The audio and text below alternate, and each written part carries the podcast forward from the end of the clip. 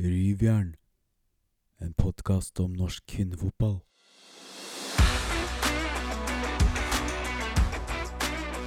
Hjertelig velkommen til eh, denne ukens episode av Rivjern.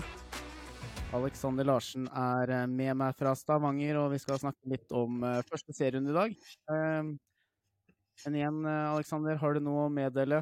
Er det Jeg ser det Er det, er det sol, eller?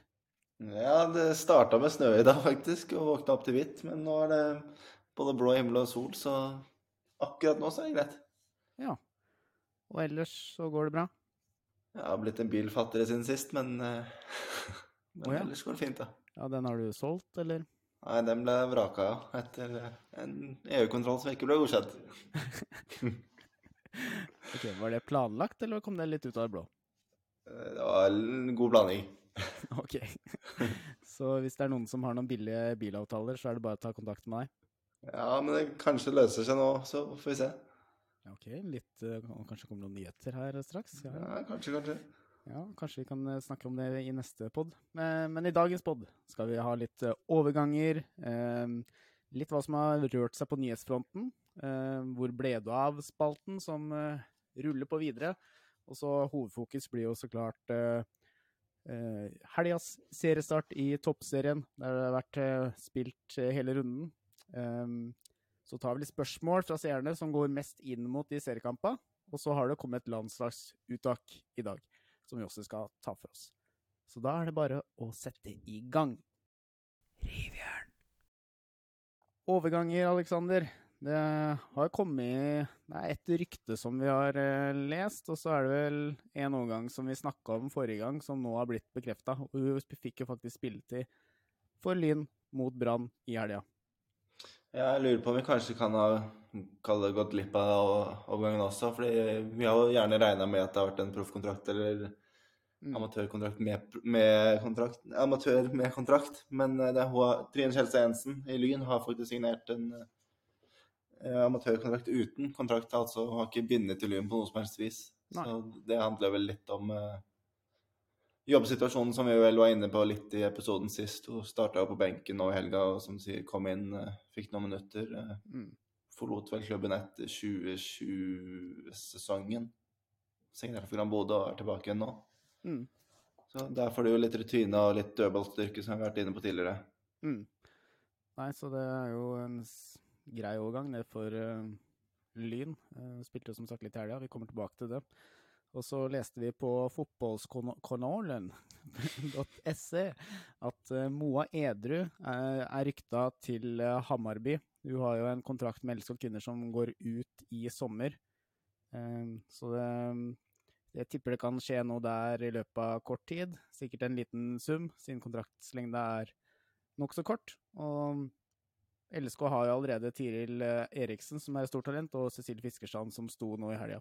Så det er jo en grei løsning for uh, sikkert både LSK-kvinner og for Hammarby, vil jeg tro. Ja, Hun kom jo også inn for å erstatte, eller, erstatte Fiskerstrand da hun ble skada for eh, et drøyt år siden. Og har vel gjort jobben sånn sett. Så det er jo forståelig for både hennes del og LSK kvinner at de da gjør det på den måten de ser ut til å gjøre det nå, da. Eh, utom det så er det ikke så mye å nevne, men eh, vi kom Jeg begynte å lure, eller lurte litt på hvor uh, Vålerenga-signeringa Alison Abbey, Abbe, uh, henta hun fra AIK. Hun har ikke vært å se siden januar, og så fant jeg en NRK-sak tilfeldigvis, som var for to-tre dager siden, hvor det står at klubben har ennå ikke sett noe til henne. Så hun har aldri dukka opp.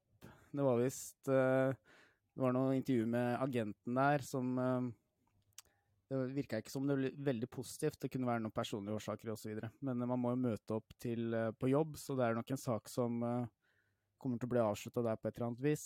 Men da må jo Vålerenga kanskje se seg om etter en venstre wingback. De har brukt Ylin Tennebø litt på wingbacken. De har jo Andrine Tomter, som også kan bekle, den rollen. Hun har også har vel vært litt tiltenkt en eh, stopperplass, venstre stopper der. Um, er det noen eh, aktuelle spillere som eh, du kan tenke deg Vålerenga går etter, ja, kanskje allerede nå før vinduet stenger? Det er jo bare noen dager til. Jeg kan jo først og fremst nevne at Thea Bjelde har vel også vært inne på den venstre wingbacken tidligere. og Ja. Samtidig som Andrine Tomter må vel kontrakt ut sommeren nå, så Mm. må i det hele tatt bli værende. Det er jo et spørsmål, det òg. Så da må de fort ha en inn. Men ja, hvem skal de gå etter? da? Tomine Svendheim har jo nevnt tidligere. Men spørsmålet er om hun er- klar for å ta steget fra Arna Bjørner til Vålerenga allerede nå. Det er jeg litt mer usikker på. det blir vel gjerne fort å gå ut av landet for å finne noen spillere der. Fordi det er vel ikke så veldig mange venstre backer eller venstre wingbacker i toppserien akkurat nå som ser veldig aktuelle ut. Hanna Dahl har jo også forlenga med Avasnes etter forrige sesong og kommer nok neppe til å flytte på seg der.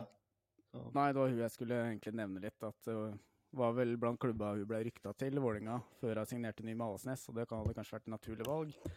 Og så har vi jo en wingback, Emilie Vollvik, som eh, jeg vil tro aldri går til Vålinga. Vålerenga. Eh, håper i hvert fall ikke det.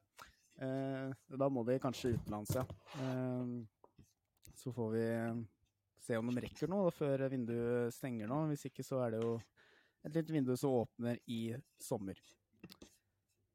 Når vi er inne på Vålinga, eh, så har jo de vært litt i en eh, mediestorm denne uka, hvor eh, Rosenborg hadde planer om å lage en superhelg på Lerkendal den 6. og 7. mai, med Vålinga som motstander både på herre- og kvinnelaget. Men Vålinga de vil ikke spille på Lerkendal. De satte noen krav tilbake mot Rosenborg, og det innebærte å dekke utgifter for leie av gressbane til trening, samt transport til og fra treningsbanen. Og Rosenborg har nekta å betale det.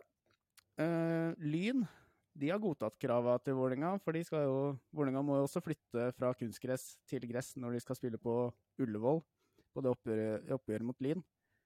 Uh, men eh, Carl Gustav Borander i Lyn sier at det er jo, synes det var litt uheldig da, å måtte betale for uh, Vålerengas utgifter uh, retta inn mot det. Uh, hva tenker du, Aleksander, om eh, hvordan Vålerenga oppfører seg i denne saken her? Jeg syns det er litt synd da, at det er det som eh, er fokus til klubbene når det er sånne happenings som eh, sånn det snakkes om, og hvor man faktisk kan bygge litt interesse, få litt flere folk på kamp. Jeg husker jo de kampene i fjor med stor suksess med Rosenborg, eh, Brann og Brann Vålerenga, der det var over 10 000 på begge kamper. Eh, Vi har sett i utlandet at, eh, at det er suksess med å fylle stadioner. Skulle f.eks. Real Madrid satt ned foten og sagt nei til å spille på kamp nå i Champions League da de spilte mot Barcelona og 90 000 kom på kamp? Det er jo ikke sånn det skal være. Så jeg blir jo ikke overraska om det løser seg til slutt, men ja, ja som sagt, jeg syns det er litt synd at det er akkurat det som skal være fokuset på på akkurat de tinga her. Det er jo det er jo litt støyende sportslig, akkurat de kampene her. Ja, og det er vel sportslig begrunnelse Vålerenga bruker her, i en serie som kan bli ganske tett, at de ikke vil gi noen fordeler. Men akkurat denne fordelen den syns jeg er såpass eh, marginal at de kunne godtatt det. Eh, Jeg husker jo vi sjøl i LSK Kvinner ble spurt om å flytte en kamp mot Rosenborg fordi de skulle møte Barcelona. Og den flyttinga innebærte jo at vi måtte spille tre kamper på sju-åtte dager der. eh, Så det ble veldig uheldig for oss. Så da satte vi oss litt på bakbena, men det føler jeg var en bedre grunn til at det gjorde at kamprommet vårt ble mye tøffere enn det det var. Det løste seg til slutt, det også. Hvor det ble en Ja. At Rosenborg måtte kompensere oss litt på grunn av det. Men eh, vi får håpe at det kommer en løsning der. For jeg synes at de kommer litt dårlig ut av Vålerenga. De får litt eh, hele folket mot seg. Og det å liksom lage en superhelg med Rosenborg og Vålerenga, både på damer og herrer, på samme stadion, det ville nok eh, gjort mye for eh, ja, den supporterkulturen også, da, som eh, har vært savna litt opp i Rosenborg på damesida. Ja, Så- så er det jo det vi har ønska oss, da. At det faktisk skal være sånne happenings. Og gjerne har både herrelag og damelag samla på et vis. Og at det gjerne kan bygge litt, enda litt mer blest og enda flere på kamp. Så når man først har den muligheten, så må man jo ta vare på den. Og ja, det kommer ikke av seg selv, den interessen. Så Absolutt ikke. Og heller superhelg eh, oppe på Lerkendal med herrer og kvinner en superhelg i Telenor Arena. Det håper jeg vi ikke ser lenger, selv om for publikum så var det supert. Men eh, alle andre var ikke sånn superfornøyd med det. Eh, bra. Nå veit jeg at du har gleda deg veldig til den neste spalten her, eh, Aleksander. For det er 'Hvor ble du av?'-spalten. Eh, den er stor etterspørsel. Eh, jeg skal ikke innrømme, eller skal ikke si at jeg prøvde å ringe hun jeg skal nevne nå, men eh, det er kanskje en spiller du husker. Det er fra ditt eh, nabolag, Avaldsnes.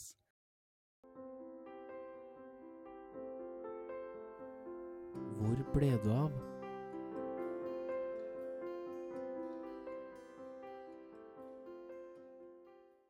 Debinja. Kjenner du noe til hun, Aleksander?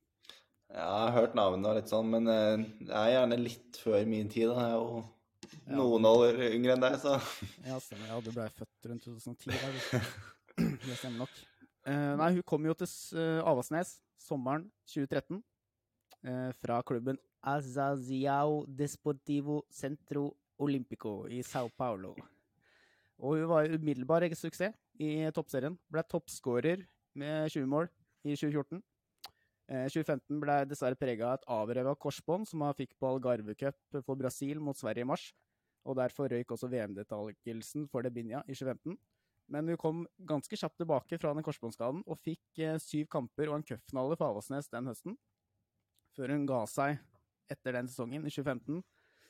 I februar 2016 så gikk Debinia til kinesiske Dalian Kuanyan, der hun ifølge sportsleder Arne Utvik tjente fem ganger så mye.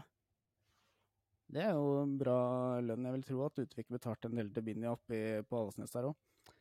Eh, 2017 til 2022 spilte hun 115 kamper eh, og skårte eh, Nei, nå tuller jeg, for hun gikk fra Dalian til eh, Carolina Courage i 2017, og der spilte hun til 2022. Eh, 115 kamper og skårte 42 mål før hun nå i 2023 signerte for Kansas City Current. Og nylig, i Fifa Best-kåringen, var 31-åringen eneste nominert for Sør-Amerika etter å ha skåret 10 mål for Brasil i 2022, samt 12 mål for Courage. Og nå har jeg en liten quiz til deg, Alexander. I 2015-sesongen på Asnes, Tom Nordli trente laget. Hun spilte med fem spillere på det Avaldsnes-laget som nå spiller i toppserien. Ikke nødvendigvis for Avaldsnes. Én spiller for Avaldsnes, de andre fire spiller i andre toppserieklubber. Kan du nevne de fem? eh, Andrine Tomter. Andrine Tomter er Nå må jeg bare dobbeltsjekke så ikke jeg driter meg ut her. Eh, la meg se Det er feil. Elise Thorsnes. Elise Thorsnes, det stemmer, det er én. Ingrid Ryland. Nei, hun spiller ikke kaptein lenger nå. Det gjør jeg ikke. Hun er på TV-en vår. Jeg Må tenke litt der, da. Det er en som er i Avaldsnes nå. Hanna Dahl, selvfølgelig. Hanna Dahl.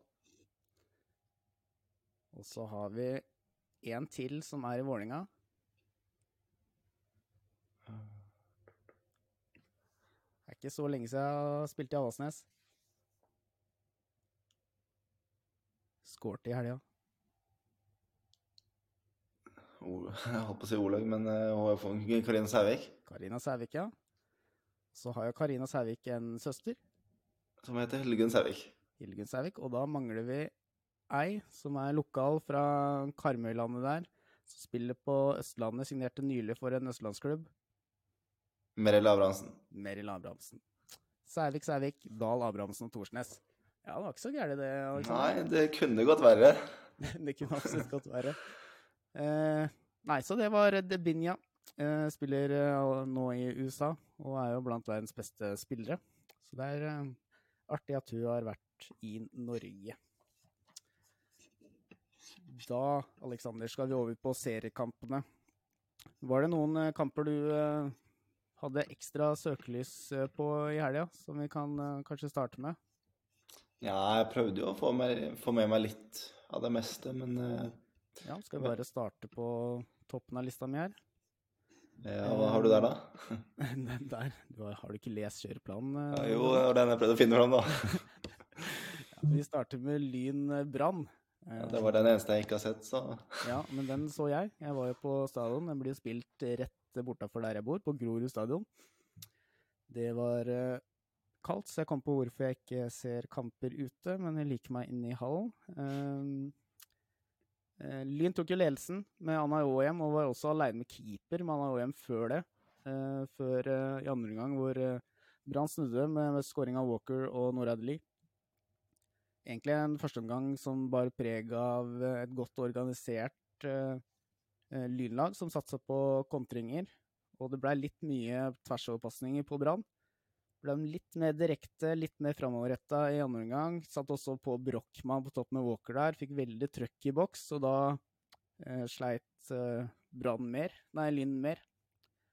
Eh, og så var det også tydelig at de savna Nå spilte hun eh, Ritter spilte høyre wingback. Er vel ikke først og fremst en wingback. Savna litt kamme på sida der. Eh, ble også finta på ræva av Emilie Kloss før skåringa til Åhjem. Um, så det hadde jo ikke vært ufortjent om Lyna hadde fått med seg ett poeng, selv om også Brann skapte noen store sjanser på slutten der. Um, så sånn sett en oppskriftsmessig seier til Brann, men man ser jo litt at de har hatt litt få treningskamper. Relasjonene sitter ikke helt. Um, så hvis det skulle komme med et bananskall, så hadde det ikke vært helt overraskende heller at det hadde kommet på Grorud stadion. Nei, Det kommer jo gjerne til å ta litt tid med de nye spillerne, og vi har jo nevnt det flere ganger at de fleste ser jo på Brann som underdogs i år, og at det er mer en utfordrer. og mm. Det er flere spørsmål der enn i Rosenborg og Vålerenga hvor ting er mer satt, det har vært bedre kontinuitet. og Man ser jo det allerede denne helga at de kanskje er noen hakk foran akkurat nå. da. Så betyr jo ikke det at de er det på slutten av sesongen, men eh, ja, vi skal jo tilbake til det nå litt senere. Men Rosenborg og Vålerenga gjorde jo De overbeviste i større grad enn Brann, i hvert fall denne helga. Ja, det gjorde de. Og så må man gi litt skryt til Lyn også, som uh, alltid er vonde å møte. Og så lenge de på topp der orker å løpe, så er jo de en konstant, uh, konstant trussel. Vi kan hoppe videre når du nevnte de topplaga. Uh, RBK Stabæk 3-0. Andreassen, Kinnes-Hansen og Jøsendal. Jeg så bare høydepunkter, men det virka jo som det var egentlig en overkjøring. Eh, ja, det, det kunne stått uh, ganske mye mer enn 3-0. Det jeg har sett, i hvert fall, at det var ganske klasseforskjell fra start til slutt. og mm. ja, Et Rosenborg-lag som så veldig solide ut og skapte flere sjanser, som du nevnte.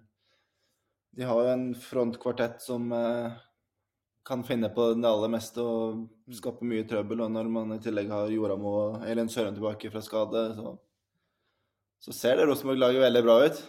Det er jo tross alt Stabæk de møter her, som imponerte i fjor og ble nummer fire. og Det er sannsynligvis ikke noen kasteball i året heller. Så en god start på sesongen for Rosenborg. Ja, du som så litt av eh, kampen, var det, var det et resultat av at Rosenborg var veldig gode, eller var det Stabæk som var veldig dårlig? Var det en kombo? Det er litt sånn urovekkende at det skal være så stor forskjell også mellom eh, RBK og Stabæk. Ja, det jeg har sett, så er det vel Det er vel ofte en kombo, samtidig som at Rosenborg eh, De har jo sett bra ut de siste, siste, ukene. Vi så det jo mot Brann eh, i Bergen i en treningskamp på Litzia, der de egentlig var klart beste lag i 78 minutter og burde ha vunnet med flere mål enn Ja, de endte jo uavgjort til slutt, da, men de burde ha vunnet med flere mål. Så det virker absolutt som at de er i rute. Og det er jo ikke der Stabæk heller skal ta poengene sine borte mot Rosenborg. Det, Nei. De skal jo ikke forvente at de er oppe blant topp tre, i hvert fall. Nei, det er i hvert fall stor forskjell i um, den kampen. Um, så hopper vi videre til Vålerenga. Den fikk jeg sett sånn halvveis. 5-0. Um, Tveten, Sævik, Gullbjerg, Torsnes og Cessai skårte de måla. Og det lille jeg så, så var ikke AB i nærheten av eh, noe som helst. Det er litt som vi også har meldt tidligere, at eh, AB-laget ser nokså tynt ut. Og Vålinga er jo bra. Eh, der kunne vel også til fordel stått noen flere skåringer. Virka som de kontrollerte egentlig fra start til slutt. Så var det en liten maktdemonstrasjon av Vålinga, men her har vi jo faktisk Ja, her er det jo topp mot bunn, så her skal det jo være litt forskjell også. Men Og igjen Arne Bjørnar. Det er ikke der de skal ta poengene sine. Nei, samtidig så Selv om det ender 5-0 altså, så er det jo Det er ikke et Vålerenga som spiller på sitt beste heller i den kampen. De tidvis gikk det ganske rolig for seg. Og selv om de hadde full kontroll og burde skåret mer, så var de mer, langt mer inne enn det de viste. Og som du sier, det Arna Bjørnar-laget ser ikke veldig overbevisende ut akkurat nå. og det så nesten ut som det var både én og to divisjoner forskjell eh, tidvis der. og Mm. De hadde noen få sånn halve overganger, men de hadde vel knapt en sjanse. Så de skal få det tøft i år hvis eh, Nå, vel, nå fikk de vel en skade på Hvem var det igjen, da? Tora Ose måtte av med skade i første omgangen, så Ja.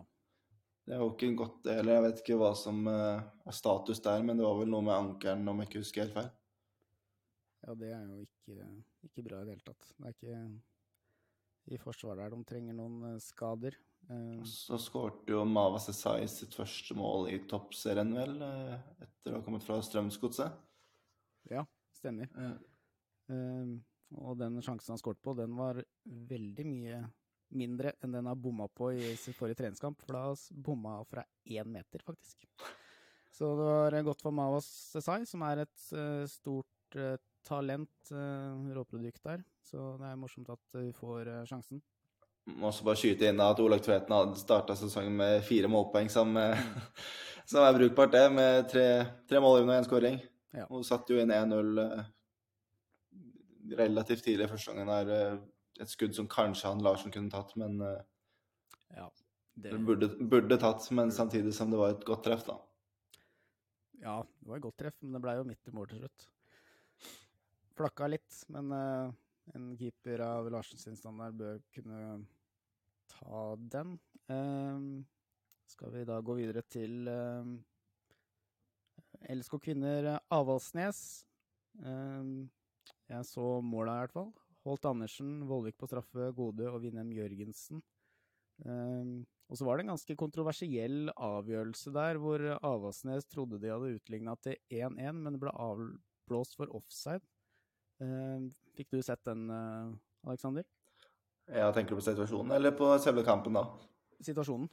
Ja, det var vel Evelyn Badu som uh, satte ballen i nettet til slutt, som Mm. sto mer eller mindre på uh, mållinja sammen med Eller sammen med LSK kvinnespiller som var litt, sto litt lenger ut. Og det kan jo faktisk se ut som at hun var onside når, uh, da hun satte inn det som ville vært 1-1 eh, i første omgang, men som ikke ble godkjent. Og jeg så Avaldsnes også mente at det skulle vært en hens i forkant. eh, Rett i forkant av situasjonen. Jeg syns Ja. det var litt vanskeligere å se. Men at de skulle hatt en scoring der, det er ikke utenkelig. Men jeg tror ikke de hadde tatt poeng uansett om det ble scoring eller ikke. fordi selv om, selv om det ikke var like stor forskjell som i Vålerenga og Bjørnar, så var det jo en vesentlig forskjell på laget her. Og det var ingenting å si på at LSK kvinner til slutt vant. Nei, og jeg så apropos den situasjonen, jeg måtte se den rett før vi spilte inn nå. Og hvis man ser til venstre i kamerabildet, så ligger jeg tror, lurer på om det er, er det Thea Kyvåg eller er det Emilie Vollik som ligger og liksom li- nede med skade, og nesten med beinet på streken. Så jeg tror nok eh, det skal godt gjøres at det var offside. Og vi hører jo ganske godt Jon Arne Riise skrike på, på produksjonen der, og at eh, hun ligger, eh, ligger en spiller på linja. Jeg klarer ikke, jeg vet ikke hva slags dialekt han snakker lenger, men eh, den blandinga greier ikke. Få en liten invitering nå, da. Ja, men han har jo ikke noe særlig dialekt lenger. Det er litt sånn Jan Åge Fjørtoft, egentlig. Uh, nei, jeg skal ikke Det må vi ta en eh, fyllepod eventuelt. Og Jeg syns jo det var flere spillere på LSK kvinner da, som uh, viste lovende takter, spesielt offensivt med Har og Holt Andersen, Gode, som fortsatt litt som i forrige sesong. Mm, I tillegg til Silje Nilsen på Avaldsnes, da, som var tilbake etter å ha slitt med skade forrige sesong. Mm. Så Gjorde en god figur på midtbanen til Avaldsnes der. Og så er jo Mimmi Levenius nå tilbake i landet. Hun har kommet seg fra sykehuset nede i Spania. Eh, er nok sikkert noen uker unna fremdeles, men det passer nok passer jo bra at det er en eh, landslagspause like om eh, hjørnet for hennes del. Og så kan vi nevne at eh, Siri, både Siri Ervik og Cecilie Fiskerstrand spilte. da. Ervik som har vært skada, og Fiskerstrand som har vært ute med korsbåndskade og spilt sin første toppseriekamp på nesten nøyaktig et år, 320 dager, eller hva det var LSK kunne skrev i hvert fall. Ja. Det er jo godt å se, da. Det er godt å se. Ehm, og da har vi en Åsane Røa 04. Klæbo motbevist uh, våre spådommer at jeg ikke skårer så mye mål. Skårte et mål, hun. Supellen. Uh, Haugstad på straffe og Fuglem. Der var det jo noen kontroversielle avgjørelser av eh, den nederlandske mannlige dommeren eh, på eh, Åsane stadion der. Et rødt kort, det kommer jo først etter eh, at Røa leder 2-0, tror jeg. To dødballskåringer. Ganske Røa er sterke på dødball. Åsane har vist i preseason at de er ganske Og i det sluttspillet de var med var i fjor, at de sliter litt på defensiv dødball. Dårlig pasning tilbake til Og nå må hjelpe meg, hvem er det som ble utvist? Karen Visnes. Karen Visnes, eh, som akkurat ikke rekker ballen. Og Tuva Espos får et meget langt touch. Eh, keeperen har nesten plukka opp ballen før eh, dommeren viser eller blåser eh, av og gir henne rødt kort. Jeg syns det er strengt og feil. Jeg mener at det burde vært et gult kort. Eh, prøver å gå etter ball. Ikke en åpenbar målsjanse, sånn som ballen Slik som ballen beveger seg. Eh, som var nok litt eh, røff på fløyta og det røde kortet der, eh, dommer, etter hva jeg så. Og den straffesituasjonen, jeg prøvde å se den en del ganger. Jeg syns den går i brystet på Sandnes-spilleren, og ikke i hånda, selv om hånda er utstrakt. Jeg syns også den er meget billig, og selv som dommer også har en litt dårlig vinkel. Eh, så der eh, får jo Røa litt hjelp av dommer, men de leda allerede 2-0, da. Så det kunne jo fremdeles ha blitt en uh, Røa-seier, men uh, de fikk det jo litt lettere enn de kanskje skulle hatt. Vet ikke om du så noe særlig på den straffesituasjonen, ja, Aleksander? Jo, men jeg syns, jeg syns det er mer hens enn det du syns, i hvert fall. Men eh, det vi i hvert fall kan være helt enige om, er at, uh, at den er vanskeligere enn eh, den røde kort-situasjonen som jeg også syns er veldig streng. fordi den, den ballen hadde ikke Tuva Espås rekke uansett hva. Og ja, det er strengt å gi et rødt kort der. og selv om eh, Røa sannsynligvis hadde vunnet til slutt, så ødelegger jo kampen totalt for Åsane. og, og ja. Men samtidig, Åsane er ett mål bedre enn i fjor, så, så Kanskje de har forbedra seg, da? Ja, ja. Det ta, med, ta med seg det de får. Nei, det Det går jo ikke en eh, går ikke en serie engang uten noen eh, kontroversielle dommeravgjørelser. Eh, og det er synd, men vi prøver å snakke minst mulig om dommeren. Men når det er så åpenbare situasjoner, så må vi nesten ta det. Skal vi bevege oss videre? Jeg ser at du driver og googler som et lite helsike her, Aleksander. Hva er det du prøver å finne info om? Nei, jeg bare prøver å ha kontroll på de ulike fallene. Oi, oi. Ja, du må slette du må re... Hvor, hvor lenge siden er det du har starta PC på ditt? Nei, det Det er et godt spørsmål. Med andre ord. Da kan vi ta noen spørsmål fra seerne da, som har gått inn mot den toppserierunden her. Eh, Erling Løkken spør Hvor mange seere har vi egentlig? Hvor... Lyttere. Eh, vi har ingen seere, håper jeg. Eh, ikke ennå. Eh, spørsmål fra lytterne. Fornøyd nå? Det var bedre, ja. Ja, takk. Erling Løkken spør mest overraskende resultat. Det er vel kanskje Det er kanskje Røa-seieren at det er så så Ja, det er vanskelig å komme forutenom den kampen, ja. Ja. De andre er vel litt mer sånn kald og opps oppskriftsmessig serie, da.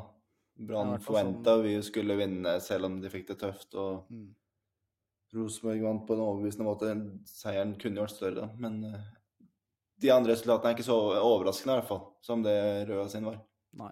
Sånn oddsmessig så var jo de andre ganske klink eh, seier ene veien, mens Åsan Åsane Røa var jo ganske jevnt fordelt på oddsen. Så vi må nesten si eh, Røa der, som overrasker positivt. Har fått en god, eh, en god start. Eh, og så spør eh, Åsane supporterklubb om det røde kortet. Det har vi jo snakka om. Eh, og så spør Foss, Foss NM sammenligna med fjor, og det har jeg sett litt på. I fjor så var gjennomsnitts tilskuerantall i første serierunde eh, 390. Eh, I år var gjennomsnittet 330. Eh, og det var eh, fjor var det Rosenborg som hadde det høyeste tilskuerantallet i første seriekamp, eh, med 515, mens Rosenborg også i år hadde det høyeste, med 478. Eh, så det er jo en liten nedgang av antall tilskuere fra i fjor, og det var jo en del av de store lagene som også hadde hjemmekamp nå. Så det er jo litt eh, kjipt at det er litt færre. Kanskje en sammenheng med at det er bedre dekning også på TV 2. Det, det kan jo tenkes. At eh, folk eh, heller vil sitte hjemme og se det. Um, har du noen andre forklaringer for at eh, snittet går ned fra fjor eh, i første serierunde, Aleksander? Det er vanskelig å si etter én runde, da. Men eh, jeg husker ikke når seriestarten var i fjor. Jeg lurer på om det var 20. mars, og det var litt tidligere. Ja.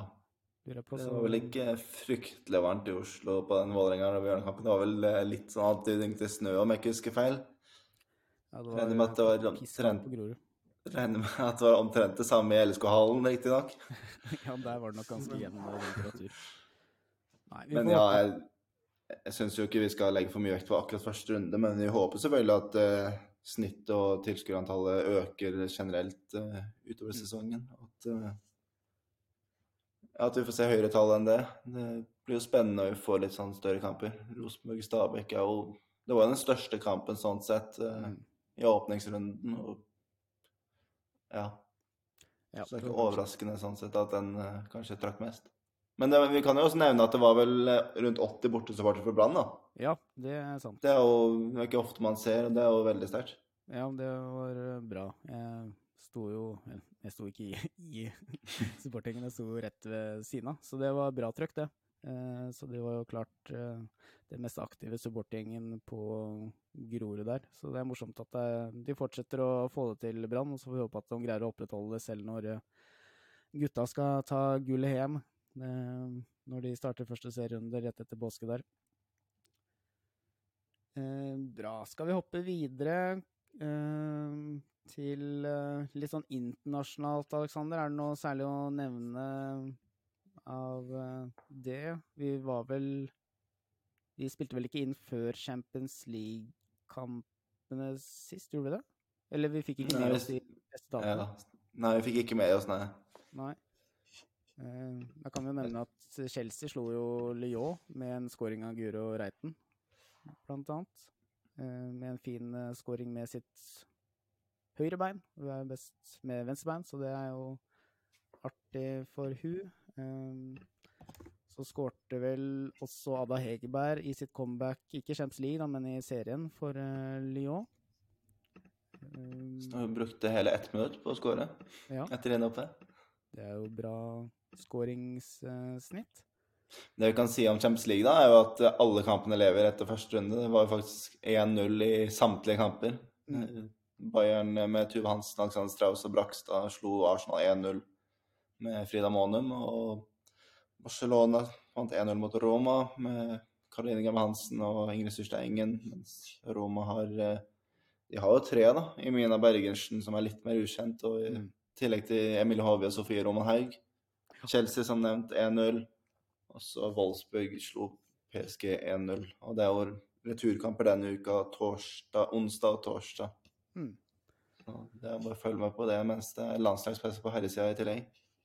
Ja, det er ikke noe annet enn å gjøre det. Eh, og så nevner jo litt i uttak av landslagstroppen, men jeg bare la merke til at Ber- Bergstrand ble byttet ut etter 29 minutter i helga. Eh, Brighton mot eh, Reading, og det sto litt om at Hege de måtte eh, SS, hva er det på norsk? at de måtte se an skaden. Eh, hadde ikke, visste ikke helt skadeomfanget. Eh, og Chelsea tapte jo en eh, tapte jo mot eh, City. Jeg så Blakstad kom inn på slutten der, og Maren Mjelde starta vel for eh, Chelsea Mm. sammen med Guro Reiten, så det er jo morsomt for Maren. Ikke så morsomt at de tapte da.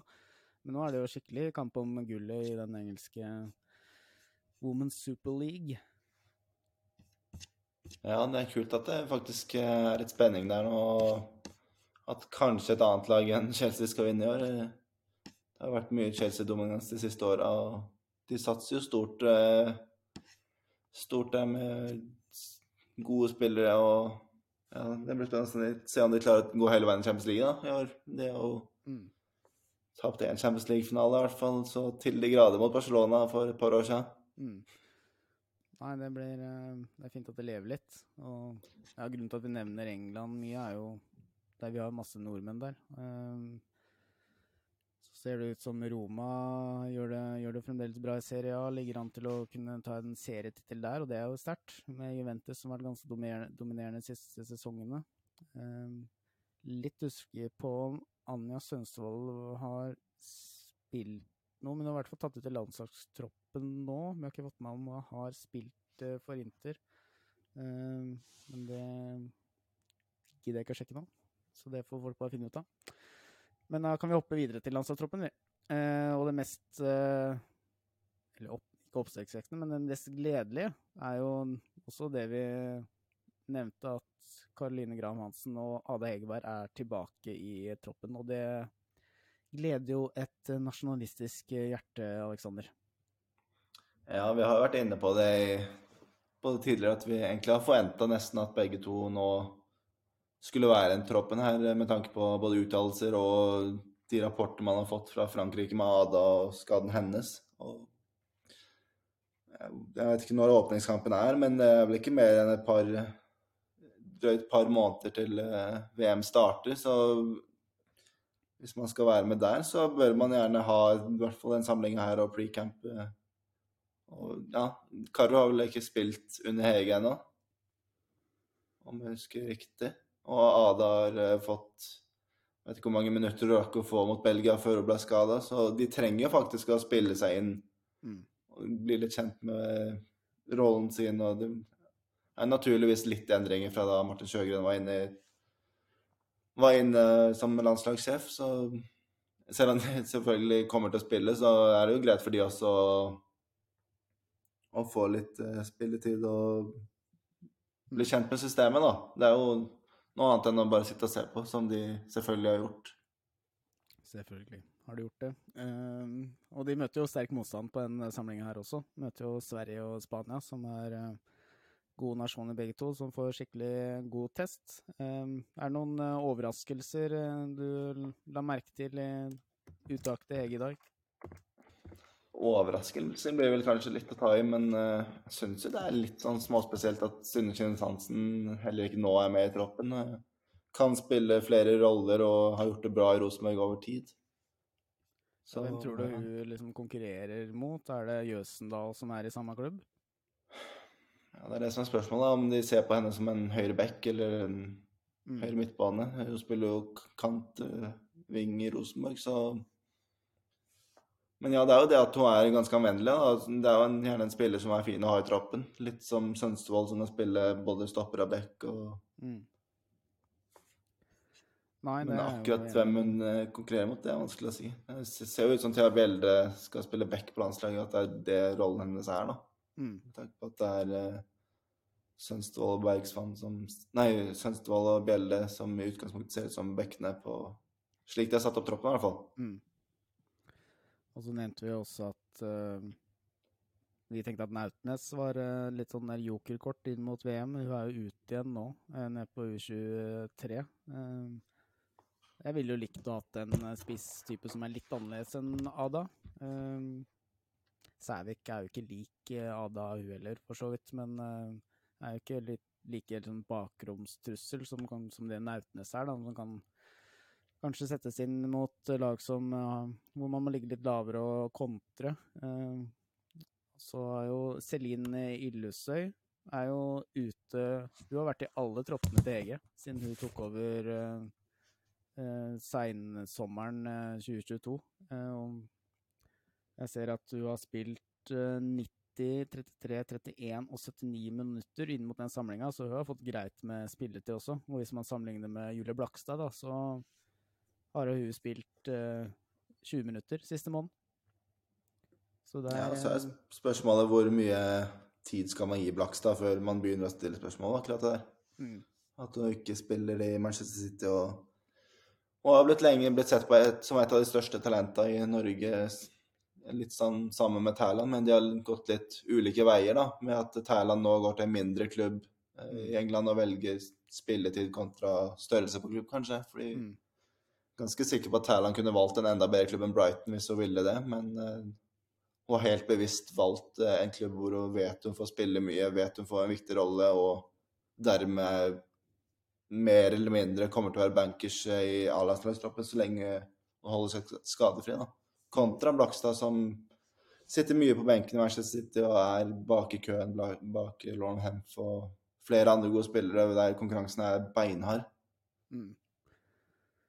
Nei, absolutt. Og det kan jo være et eh, Ligaen I hvert fall ligaen i Italia. Den er jo ferdig i slutten av mai. Jeg vet ikke helt når ligaen i England er ferdig, men det er jo et lite vindu der hvor spillere som trenger litt kamptrening, kan kanskje lånes ut til en norsk klubb inn mot, inn mot mesterskapet. Um, for eksempel eller hvis Sofie Romanhaug da, kommer tilbake igjen, ikke rekker så mange kamper i Roma, kan hun være aktuell for et utlån til toppserien for å få noen kamper inn mot et mesterskap? Jeg har ikke helt den engelske terminlista i huet, jeg er litt usikker når de slutter, men det pleier å være sånn slutten av mai, det, hvis jeg følger i hvert fall nå driver det og søker seg, så det er bare å fortsette å holde det i gang. Så det er jo en Det kan være en sånn spennende variant, hvor man kanskje kan få litt innrykk av noen eh, utenlandske stjerner inn i toppserien. Det ser ut som det er 27. mai, den helga der i hvert fall, som er siste serierunde. Ja. Så er jeg litt usikker på vinduet der, da. Overgangsvinduet, hvordan det der funker. Vi er ikke noen eh, Ja, det får noen andre finne ut av. Men eh, jeg lanserte det i hvert fall. Um, og så ble Torisdottir også skada, og hun meldte jo at hun var uh, da dessverre uaktuell for en VM-tropp. Um, jeg tror jo hun hadde vært uaktuell uansett, for så vidt. Basert på det hun har eh, levert på landslaget, og levert ikke fått så mye spilletid. Uh, men så klart, det er jo synd at noen får en skade og på en måte er Man vet jo aldri hva som skjer med de andre stopperne heller på landslaget, så da har man jo en mindre å velge i, da, sånn sett. Så Men jeg tror jo kanskje det mesterskapet hadde gått uten Toresdottir allikevel. Men uh, vi får håpe at hun kommer tilbake sterkere. Uh, hun har vel også en kontrakt som er utgående, tror jeg. Så det er jo sånn sett heller ikke noe god timing. Ja, det var vel ledd leddbåndskade òg, så Mm. Og har hatt nok av skader de siste åra, så det er jo selvfølgelig synd for henne. Og hadde helt sikkert lyst til å revansjere seg litt etter det mesterskapet i fjor sommer, om hun hadde fått muligheten på ny. Så. Det vil jeg tro at hun hadde lyst til. Um, er det noe mer å si om landslagsuttaket, Aleksander? Annet at vi gleder oss til å se hvordan det går mot eh, Sverige og Spania? Nei, det var vel litt sånn forventa sånn egentlig, da, som vi har vært inne på. Det er ingen sånn store overraskelser som vi ser det, da. Nei, det er det jo for så vidt. Ja, Cecilie Andreassen da, kanskje? Ja, hun har jo ble skada sist eh, hun Ja. var med i A-landslagstroppen, så det er jo kult at hun får en ny mulighet nå, forhåpentligvis. Rekker å komme inn på samling, i hvert fall. Ja, for hun så vel med null landskamper, etter hva jeg husker. Så hun har jo absolutt Leverte jo bra i første kampen og starta jo skåringsballet oppe der. Så det er jo en eh, ålreit uh, fotballsmart eh, spiller å ha inn i uh, den troppen. Får vi se hvordan hun Om hun får noe spilletid, eller uh, om Hege bare vil se henne litt på trening. Um, Så blir det spennende å se, se to gode motstandere igjen, da. Hvordan man klarer det. Selv om Spania har nok av problemer utenlandssportslig og, og det røret der med, mm. med hoved, hovedtrener Jorge Vilda og alt det der, så En gang til, hva han het? Jorge Vilda. Fader, det er strålende spansk. Skulle tro det var Atletico Madrid eh, Atletico Madrid-supporter. Så ja, nå glemte jeg helt hva jeg skulle si, men, men jo. Det, det jeg skulle si at selv om de har Det er vel 15 spillere i hvert fall som er ute og ikke vil spille på A-landslaget slik det er nå, så, så er har ikke noe tvil at det er nok av gode spillere. Det er jo mye av Madrid som vi har vært inne på Ja. tidligere, så man skal nok få kjørt seg litt der og, hvis man ønsker det, for å si det sånn. Ja da, det blir en Mens eh, Sverige blir tøft, selvfølgelig, med en litt annen spillestil da, enn det Spania har, med masse ball og fine kombinasjoner.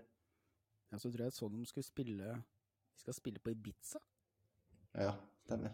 Der har du spilt tidligere, Aleksander, men det Det er har jeg på fotball. ingen måte gjort. Det ikke. Men eh, det er mange som har spilt på Ibiza. Nå skal uh, damelandslaget spille fotballkamp på Ibiza. Så det blir fint at det blir et annet type spilling der. Ehm, bra. Skal vi tease litt eh, neste serierunde, da? Eh, kampene som går da. Da har vi Arna Bjørnar mot Rosenborg klokka tre. Avaldsnes mot Lyn klokka tre. Brann mot Åsane klokka tre.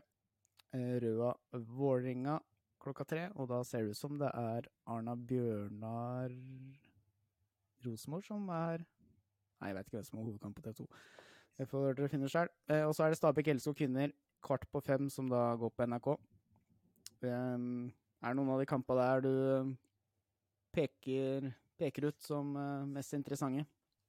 De mest sånn spennende sånn sett er vel kanskje Avasnes Lyn og Stabæk LSK kvinner. Der, eh, man er jo fortsatt litt usikker på hvor Avasnes står. og ja, Lyn imponerte i første serierunde selv om det ble null poeng mot Brann. og Kommer helt sikkert til å skape trøbbel mot Avasnes nå, og slo de i oppkjøringa 3-1, var det vel. Mm. Uh, mens eh, Stabæk LSK kvinner gjerne blir kampen om fjerdeplassen som vi Mm. Som vi har eh, spådd før sesongen, i hvert fall. Og Mm. et Stabæk-lag som ønsker å reise seg etter eh, 0-3 i åpninga, mens LSK kvinner vil fortsette med en god stim og bare gull og grønne skoger. Bare gull og grønne skoger. De andre kampene er vel litt mer sånn På papiret i hvert fall skal det være litt sånn oppskriftsmessig seire til Rosenborg, Brann og Vålerenga, da. Som Mm. vi vel alle forventer skal ta tre poeng. Ja, det blir spennende å følge med på Røa, da, som har skikkelig oppsving nå. Og den røde banen er ikke lett å komme til. Kanskje de kan gjøre litt uh, vei i vellinga mot, uh, mot Vålerenga. Og så er det jo Brann Åsane, som er et lokal uh, lite lokaloppgjør. Selv om Åsane er vel ikke en del Kan vel ikke si at det er en del av Bergen. Da blir jeg vel skutt, sikkert. Men uh, ja, det er, det er i samme område, i hvert fall. Eh, bra. Og så har det vært eh, også spurt om, eh, om vi skal ha ulike spalter da, i forbindelse med hver serierunde. Eh, der skal vi innrømme at der har vi ikke vi rukket å snakke noe sammen i forkant om vi skal ha noen spesielle spalter. Men hvis det er noen forslag, så er det jo bare å det bare å sende det inn til oss. Eh, så skal vi nok eh, få til eh, sånn rundens lag. Det tror jeg ikke det blir satt opp av toppserien sjøl. Eh, så tror det er best om dere forholder dere til det. Men andre type korte spalter kan vi jo alltids eh, få til. Eh, Så skal vi snakke litt sammen eh, om det også før eh, neste, neste innspilling. Eh, Er det noe mer du ville tillegge, Aleksander, før vi snurrer igjen, snu, snu, snurrer igjen snippsekken? Snippesken? Snippsekken? Esken? Ja. Nei, Nei. på ingen måte. nei. Du hadde vel ikke hørt det uttrykket før, siden du er Det så hørtes ikke ut som du heller hadde det. Uh, nei, jeg så det på det innebandykrigeren hvor det var litt sånn usikkerhet om det var snippsekken eller snippesken. Uh, men jeg er gammel, du er ung. Uh, du er født i 2010. Eh, bra, da er det bare å takke for oss. Følg oss eh, overalt på Facebook, Insta, Twitter. Søk opp Riveren på Facebook og Riveren podkast på Insta og Twitter. Del oss gjerne. Vi, nå hørte jeg ble, vi ble nevnt på TV2-sporten i helga òg. Det var jo artig. Så vi er på vei opp og fram, og da trenger vi deres hjelp. Del oss til de som vil høre eh, litt om eh, norsk kvinnefotball. Eh, rate oss også på Apple Podcast, og som alltid så ønsker vi spørsmål. Vi snakkes eh, neste uke, Aleksander. Det gjør vi. Ha det bra. Adios. Rivjern. En podkast om norsk kvinnefotball.